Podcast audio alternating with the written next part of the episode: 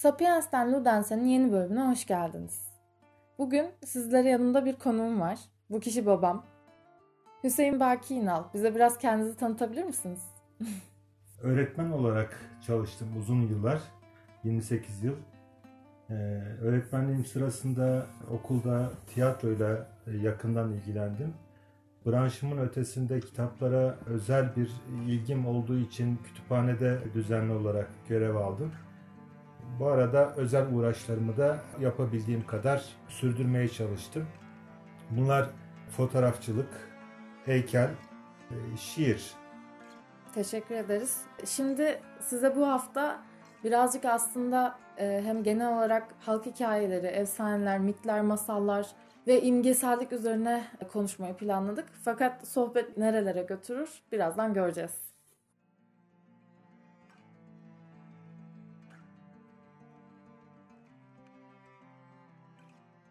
Bildiğiniz üzere ben bu podcast'ı açarken kendi yazdığım masalları sizle paylaşma amacıyla yola çıktım.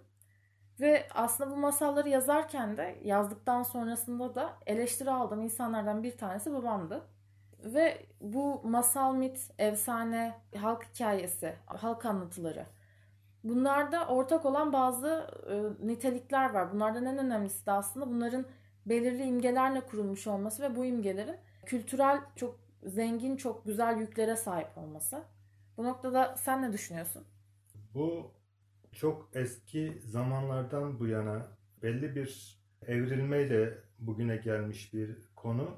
E, masal, halk hikayesi ya da diğer türler geçmişte daha yaygın olarak bulunmuş türler. Bugün yeni yazarların, modern yazarların hala bir figür olarak, bir anlatım biçimi olarak kullandıkları bir üslup haline gelmiş. Örneğin Murat Han Mungan Cenk hikayelerinde, Lal masallarında bunu çokça kullanmış. Bu anlatıları modernize etmiş. Bu anlatıların tam olarak sınırlarını çizmek de çok zor. Bazen geçişmeler olabiliyor. Yani bir halk hikayesiyle masal arasında her e, ürün için kesin sınırlar düşünmek çok doğru olmaz. Bu edebiyat tarihinin tarihçilerinin konusu belki bilgilendirme için, öğretim için belli isimler konulmuş ama tarih içerisinde bunların bir gelişme yaşadıklarını, bir yayılma şeklinde birdenbire bıçakla kesilmiş gibi bir bir türden başka bir türe geçilmediğini söyleyebiliriz. Yani insan aklının evrimi, insan düşüncesinin, insan dilinin evrimi takım bilim konusunda, kültürün diğer kurumlarının gelişmesi konusunda olan şeyler türleri de etkilemiş, çoğaltmış. Örneğin mitoloji, efsane, destan, masal, halk hikayesi. Halk hikayelerinde örneğin şiirle düz yazının bir arada kullanılması sonraki aşamalarda şiirin ayrı tür olarak gelişmesi, düz yazının ayrı tür olarak gelişmesi Mesela müzik unsuru yine halk hikayelerinde görüyoruz. Anlatılarda eski zamanlarda bir takım çalgılardan, bir takım ezgilerden faydalanıldığını görüyoruz. E, müziğin de ayrıldığını, bir tür teatral, bir tür dramatize etme şeklinin de ayrıldığını, ayrı bir tür olarak geliştiğini, e, yani bir tür uzmanlaşmanın geliştiğini görüyoruz. Önceki zamanlarda bu tek kişinin daha sınırlı anlatıcıların elindeyken sonraki zamanlarda iş bölümünün artmasıyla daha uzmanlaşmanın arttığını görüyoruz. Peki bu ayrışma ve geçişkenlik değil ki farklı şeyden bahsettin aslında şu anda toparlamak gerekirse.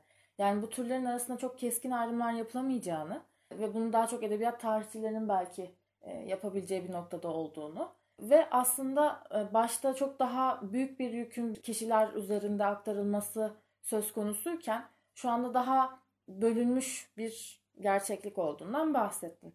Bu ayrışma ve iş bölümünün sence nasıl etkileri olmuştur bu anlatılar üzerinde? Yani mesela bu geçişkenlik sence bir zenginlik sağlıyor mu? Ve ikinci soru olarak da bu iş bölümü aslında nasıl işlevlere sahip? Yani sence tek kişiyken mi çok daha dolu, çok daha zengin bir aktarım söz konusuydu yoksa şu anki durum başka şeylere mi sebep oldu? Yani hepsinin artıları eksileri var diyebilir miyiz bu durumda? Bunu tam olarak söylemek çok zor ancak anlatım gerçekleştirilirken dinleyenler ve anlatıcı arasında özel bir bağ kurma açısından o dönemdeki ortam, atmosfer farklıydı. Hı hı. İnsanların birbirlerine bakışları, kültürel unsurlar farklıydı. Anlatılan şeylerin ilgi alanlarının farklı olduğunu söyleyebiliriz. Fakat bütün bunlardan bağımsız olarak yani kişisel olarak ben uzmanlaşmanın, branşlaşmanın, bütünü yitirmenin bir uygarlık açısından sıkıntı olduğunu görüyorum. Birçok insan gibi bunu paylaşıyorum. Bu bana ait bir düşünce değil zaten. Bugün daha matbaa olanaklarının, basım olanaklarının e, artmasıyla birlikte birçok şeyin yaygınlaşması, e, ücra köşelere kadar gitmesi e, ile bir anlatıcının köyden köy, köye gidip, kahveden kahveye gidip, işte sazını bir çiviye asıp, aşıklarla birlikte, halkla birlikte paylaşımı arasında tabii ki çok fark var.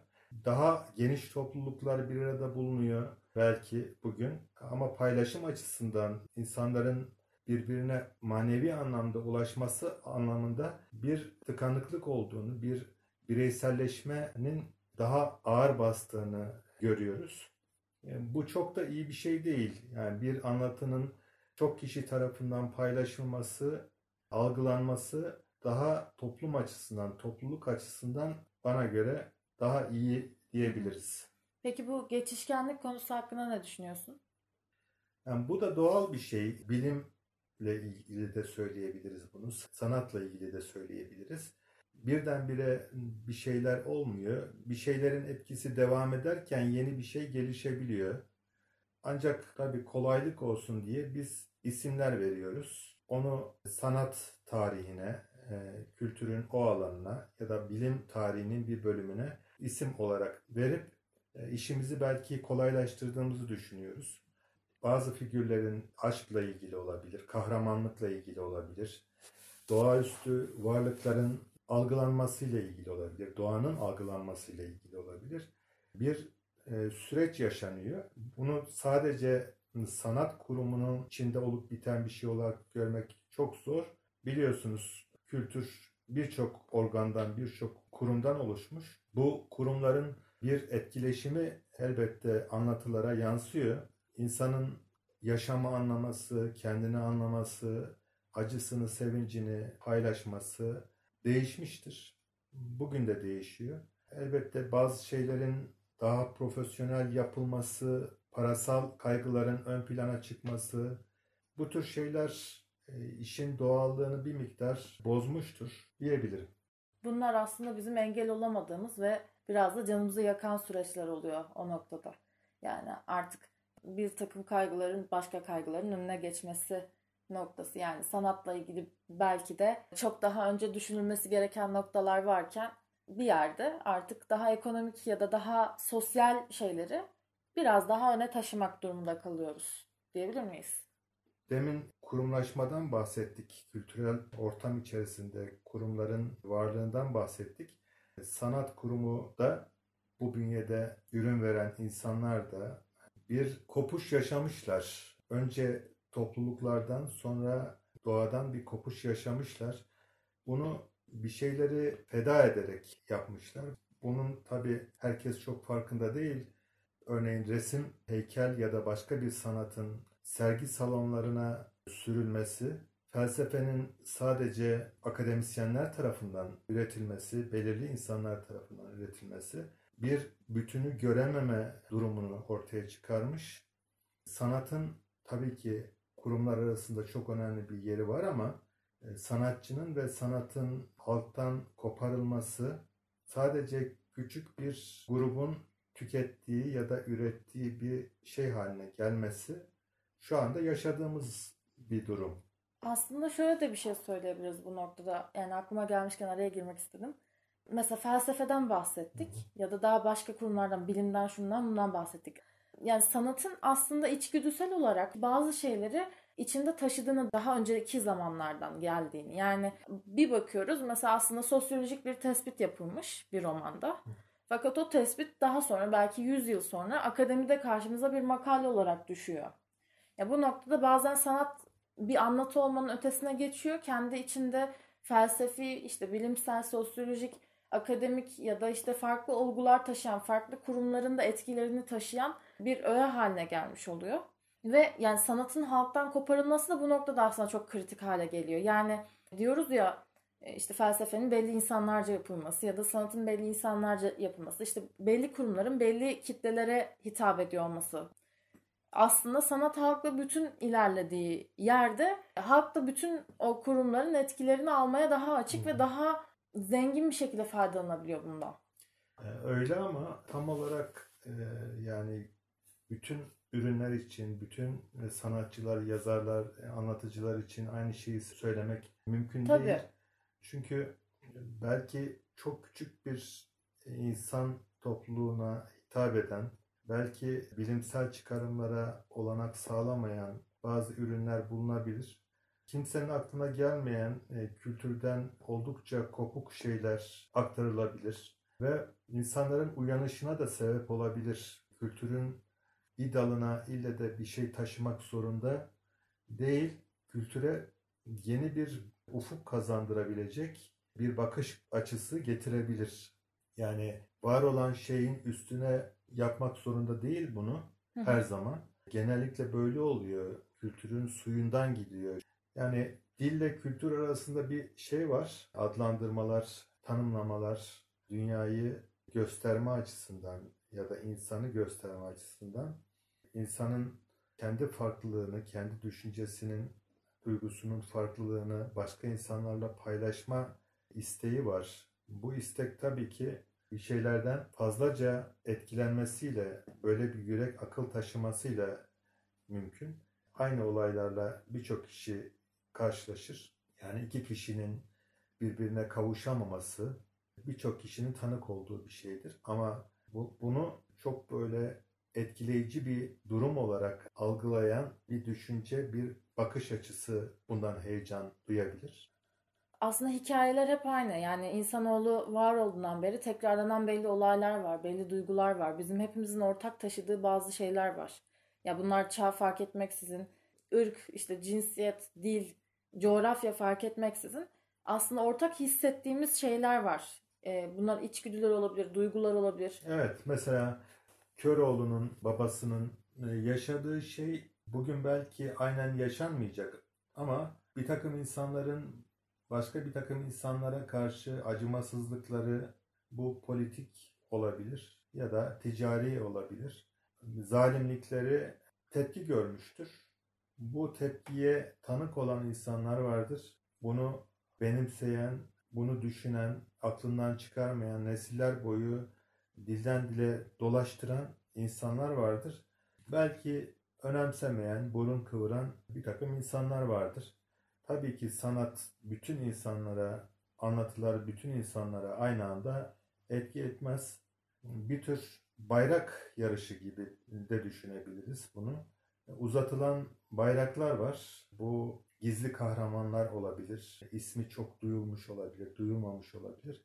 Bize uzatılan bir insanlık bayrağı söz konusu. Bu bizim insanlığımızın doğal mayasıyla iyi diyebileceğimiz, doğru diyebileceğimiz, gerçek diyebileceğimiz mayasıyla ilgili bir bayrak. Eğer bunu biraz dönüştürerek diğer insanlara ulaştırabiliyorsak, sezdirebiliyorsak, hissettirebiliyorsak bu uygarlık açısından önemli bir şey olacaktır. Yani sanatın sonucu diyebileceğimiz, sonuçlarından birisi diyebileceğimiz hı hı. E, bir durum. Yani sanat faydacı değildir elbette ama sonuç hı. olarak bir takım faydalar ortaya çıkarır. Mesela bu noktada şöyle bir örnek e, vermek istiyorum. Biraz da artık kişisele dönüp hem de sohbeti yavaştan kapatmak için son şeylere giriyorum artık. Beni biliyorsun birkaç yere başvurdum daha önce. Ve bu başvurduğum dergilerden bir tanesinden bana şöyle bir yorum gelmişti. Ya bir sene kadar oluyor herhalde ya da belki bir buçuk sene. Öykümün şiirimin derdi olmadığı yönünde bir eleştiri aldım. Bu derdi olmak konusunu nasıl yorumluyorsun? Yani sence yani benim üzerimden değil tabii ki genel olarak. Bir şiirin bir öykünün derdi olması böyle illa dönemle ilgili, çağla ilgili çok gördüğümüz, çok dokunduğumuz şeylere dokunmak mıdır bu noktada? Yani öyle olduğunu düşünmüyorum. Bir sanat üreten insanın kendi kendine yazması, günlük tutması, günlüğün içerisinde sanatsal unsurların bulunmasıyla kitleye hitaben, daha geniş insan gruplarına hitaben yazması arasında fark var. Bu paylaşımın farklı olduğunu söyleyebiliriz. Yani eğer daha geniş bir kitleye hitap ediyorsak kendimizi yetiştirme biçimimizi çeşitlendirmemiz gerekir. Algımızın sadece belli tür kitaplara, belli tür bir insan grubuna ait olmaması yani tek boyutlu olmakla ilgili olabilir bu. Yani ille böyle bir fayda sağlayacak anlamında söylemiyorum. Bazı şeyler düşsel de olabilir. İçindeki bazı figürlerin, bazı insanların yüreğine, aklına bir ilham kaynağı olması durumundan bahsedebiliriz. Yani bu sadece bir kişinin olmamalı, binlerce insanın aklında bir ışık uyandırabilmeli diyebiliriz. Yani bu ille de bizi bir aracın bir yerden alıp bir yere bırakması gibi bir şey Değil. e, değil.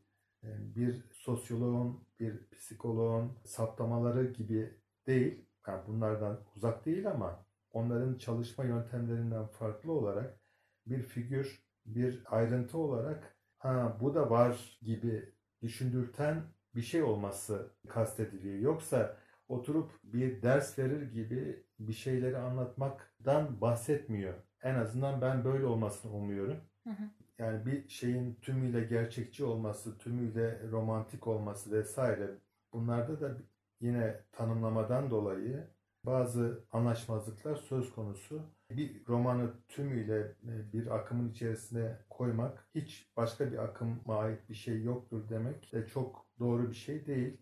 Aynı zamanda küçük anlatılar içerisinde yani senin yazdıkların da olabilir. Öyle bir eksiklik olabilir. Fakat bunu tamamlamak için yazının başına geçmeden kendini oluşturma biçimini değiştirmen daha doğrudur. Yani ben buna kendimi zorlamak gibi değil ama ihtiyaç hissetmeliyim. Yani ben bunu sanki geniş bir kitleye hitaben e, yazdığım için bir kişilik unsuru olarak bünyemde tutmalıyım.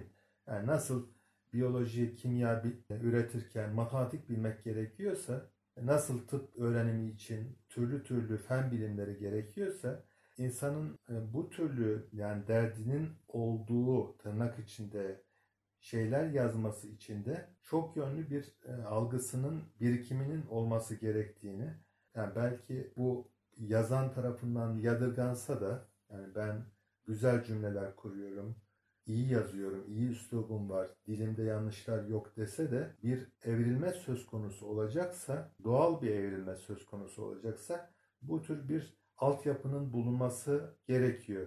Bu altyapı sabit olan bir şey değil. Değişen, Dinamik. dönüşen bir şey. Ama kişinin psikolojisi, ruh hali, yaşadığı şeyler, uğraştığı ana para kazanmak zorunda olduğu iş, yani diyelim bir doktor yazar olabiliyor, bir mimar yazar olabiliyor. Bunun onun yazış biçimine etkisi nedir? Kendi alanı dışına ne kadar çıkabiliyor? En başta söylediğimiz o uzmanlaşmanın getirdiği bazı şeyler insanı yazar olarak da, dinleyici olarak da, anlatıcı olarak da bazı şeyleri ha- hapsedebiliyor. Bazı şeyleri göremez hale getirebiliyor. Hı hı. E buradan güzel bir bağlayış oldu aslında istersen. Yani uzmanlaşma ve tekrar edebiyata dönüş kısmı. Yani diyebiliriz ki aslında toparlamak gerekirse bu insanın kendini oluşturması, kendini yetiştirmesi ve o dinamik alt yapıyı daima dinamik tutup bir şeylerle bağını koparmaması ile ilgili.